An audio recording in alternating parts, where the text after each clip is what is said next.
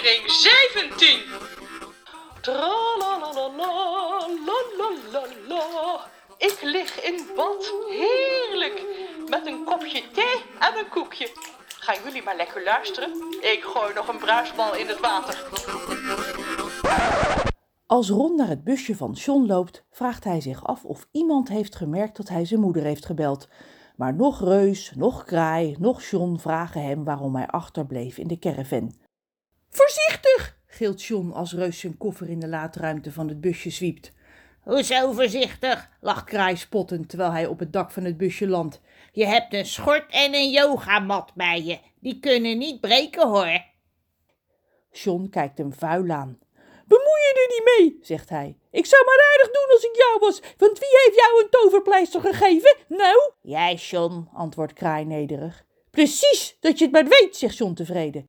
En nu de bus in, komt Reus tussen beiden. Hij gaat op de bestuurdersstoel zitten en schroeft zijn stokbenen af. Het is beter als ik achterin ga zitten, zegt Ron. Hoezo? vraagt John achterdochtig. Ik wil achterin, dan kan ik mijn koffer in de gaten houden. Hou nou toch eens op over die koffer. Daar heb je kraai weer. Mijn ouders weten dat Reus en ik in een witte bus rijden, zegt Ron. Nu we verder reizen in een zwarte bus, is dat probleem opgelost. Maar als ik naast Reus ga zitten, vallen we alsnog op. Slim bedacht, jongen, zegt Reus. John, jij zit naast mij. Ron en Kraai gaan achterin. Maar mijn koffer, sputtert John tegen.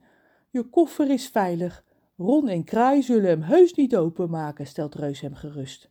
Nou, daar zou ik maar niet zo zeker van zijn, zegt Kraai pesterig. Hij is de waarschuwing van John blijkbaar vergeten.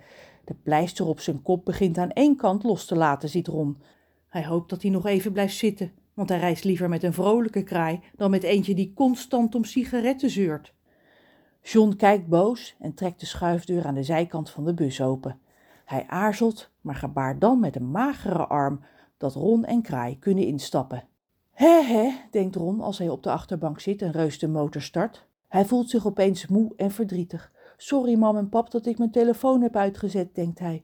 Misschien kunnen zijn ouders hem op de een of andere manier horen. Ik maak het goed als de moeder van Trudy is gered. We gaan uit eten in een pizzeria en ik betaal. Hij voelt zich alweer wat beter, ook al heeft hij helemaal geen geld om op pizza's te trakteren. Misschien had opa en oma het hem willen voorschieten. Auw! John schreeuwt Rons gedachten aan gruzelementen. Niet doen, kraai! In Johns achterhoofd zit een deuk waar Kraai hem met zijn snavel heeft gepikt. Het is je verdiende loon, lacht Kraai. Ik onthoud alles, zeker klappen met lepels. John maakt razendsnel zijn gordel los, draait zich op zijn stoel om en duikt over de hoofdsteun om Kraai te grijpen. Ik draai je nek om, schreeuwt hij. Ho, ho, ho, roept Reus terwijl hij met één hand John terug op zijn stoel trekt. Hou op met ruzie maken. Reus zet de motor af en zucht. John en Kraai, we zijn op een belangrijke missie. We kunnen alleen de moeder van Trudy redden als we met elkaar samenwerken. En daar hoort elkaar de nek omdraaien niet bij.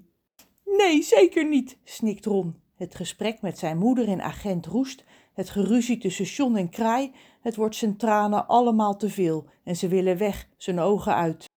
Zien jullie nou wat er gebeurt? zegt Reus terwijl hij de motor weer start en de bus de weg opdraait. Nu moet Ron huilen. Kraai kruipt tegen Ron aan en krast.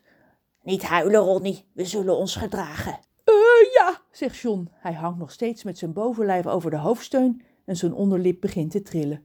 Als jongetjes huilen, moet ik ook huilen. En daar biggelt een traan over zijn wang. Kraai snuift spottend, maar zegt niks. John kijkt Kraai en Ron nog even met vochtige ogen aan en gaat dan weer zitten. Reus rijdt inmiddels richting de snelweg. Op een bord staat Kwabberdijk met een streep erdoorheen. Tot ziens staat er boven. Op naar Schijmuiden, zegt Reus vrolijk. Doe jij de radio eens aan, John, want ik heb zin om een stukje te zingen. John prutst aan wat knopjes, maar in plaats van muziek horen ze een strenge vrouwenstem. Zoek eens even verder, John, zegt Kraai. Dat gaat praten is hartstikke saai. Sst, roept Ron geschrokken. Ze heeft het over mij. Iedereen is opeens doodstil, terwijl de stem van de nieuwslezer door het busje schalt. Ron heeft rood haar, is tenger gebouwd en draagt een blauwe jas, een rood t-shirt en een blauwe spijkerbroek. Hij doet zich voor als een dertienjarige die klein is voor zijn leeftijd, maar in werkelijkheid is hij pas tien. Zijn ontvoerder heeft lang donker krulhaar, een snor en een baard. Hij valt op door zijn enorme lengte en zijn vele tatoeages. Op zijn wang heeft hij een tatoeage van een zeemermin. Ron en zijn ontvoerder reizen in een witte bestelbus. Als u hen ziet, wordt u dringend verzocht contact op te nemen met de politie. Wa, we zijn op de radio, roept Kraai enthousiast. Nu worden we beroemd. Dat is niet iets om trots op te zijn, Kraai, zegt Reus. Zijn telefoon rinkelt. Reus wurmt zijn hand in zijn zak om hem tevoorschijn te halen en geeft hem aan John. Onbekend nummer, zegt John paniekerig. Wie zou dat zijn? De politie? Daar komen we achter als we opnemen, antwoordt Reus. John drukt met een bangige vinger op het groene knopje op de telefoon van Reus. Hallo, hallo, ben je daar, Reus? Trudy! roepen Reus, John en Kraai tegelijkertijd. Trudy lijkt het niet te horen. Oh, Reus, ze hebben me te pakken genomen. Ik ben gearresteerd. Wat vreselijk, Trudy. Reus slaat zijn hand voor zijn mond, ziet Ron, die dat helemaal niet bij Reus vindt passen. De Trudy op zijn wang zwiept als een bezetene met haar staart. Ze geloven niet dat ik een echte zeemermin ben, maar ik lig nu wel in het bad van de commissaris en ik heb net van zijn vrouw een kopje thee gekregen, ratelt de echte Trudy door. Maar ik zal jullie niet verraden hoor, Reus. Ik zal niet zeggen dat jullie op weg zijn naar de haven van Schijmuiden om mijn moeder te redden. Nee, ik zwijg als het graf.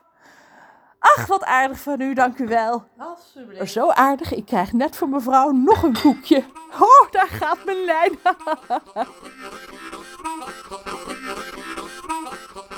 Hier is Pedro, de wonderpiraat. Ik vind dit verhaal niks aan zonder mij. En daarom enter ik de aflevering van volgende week. Ik kan niet wachten. Ron wil een tattoo is geschreven en geproduceerd door Margot de Graaf.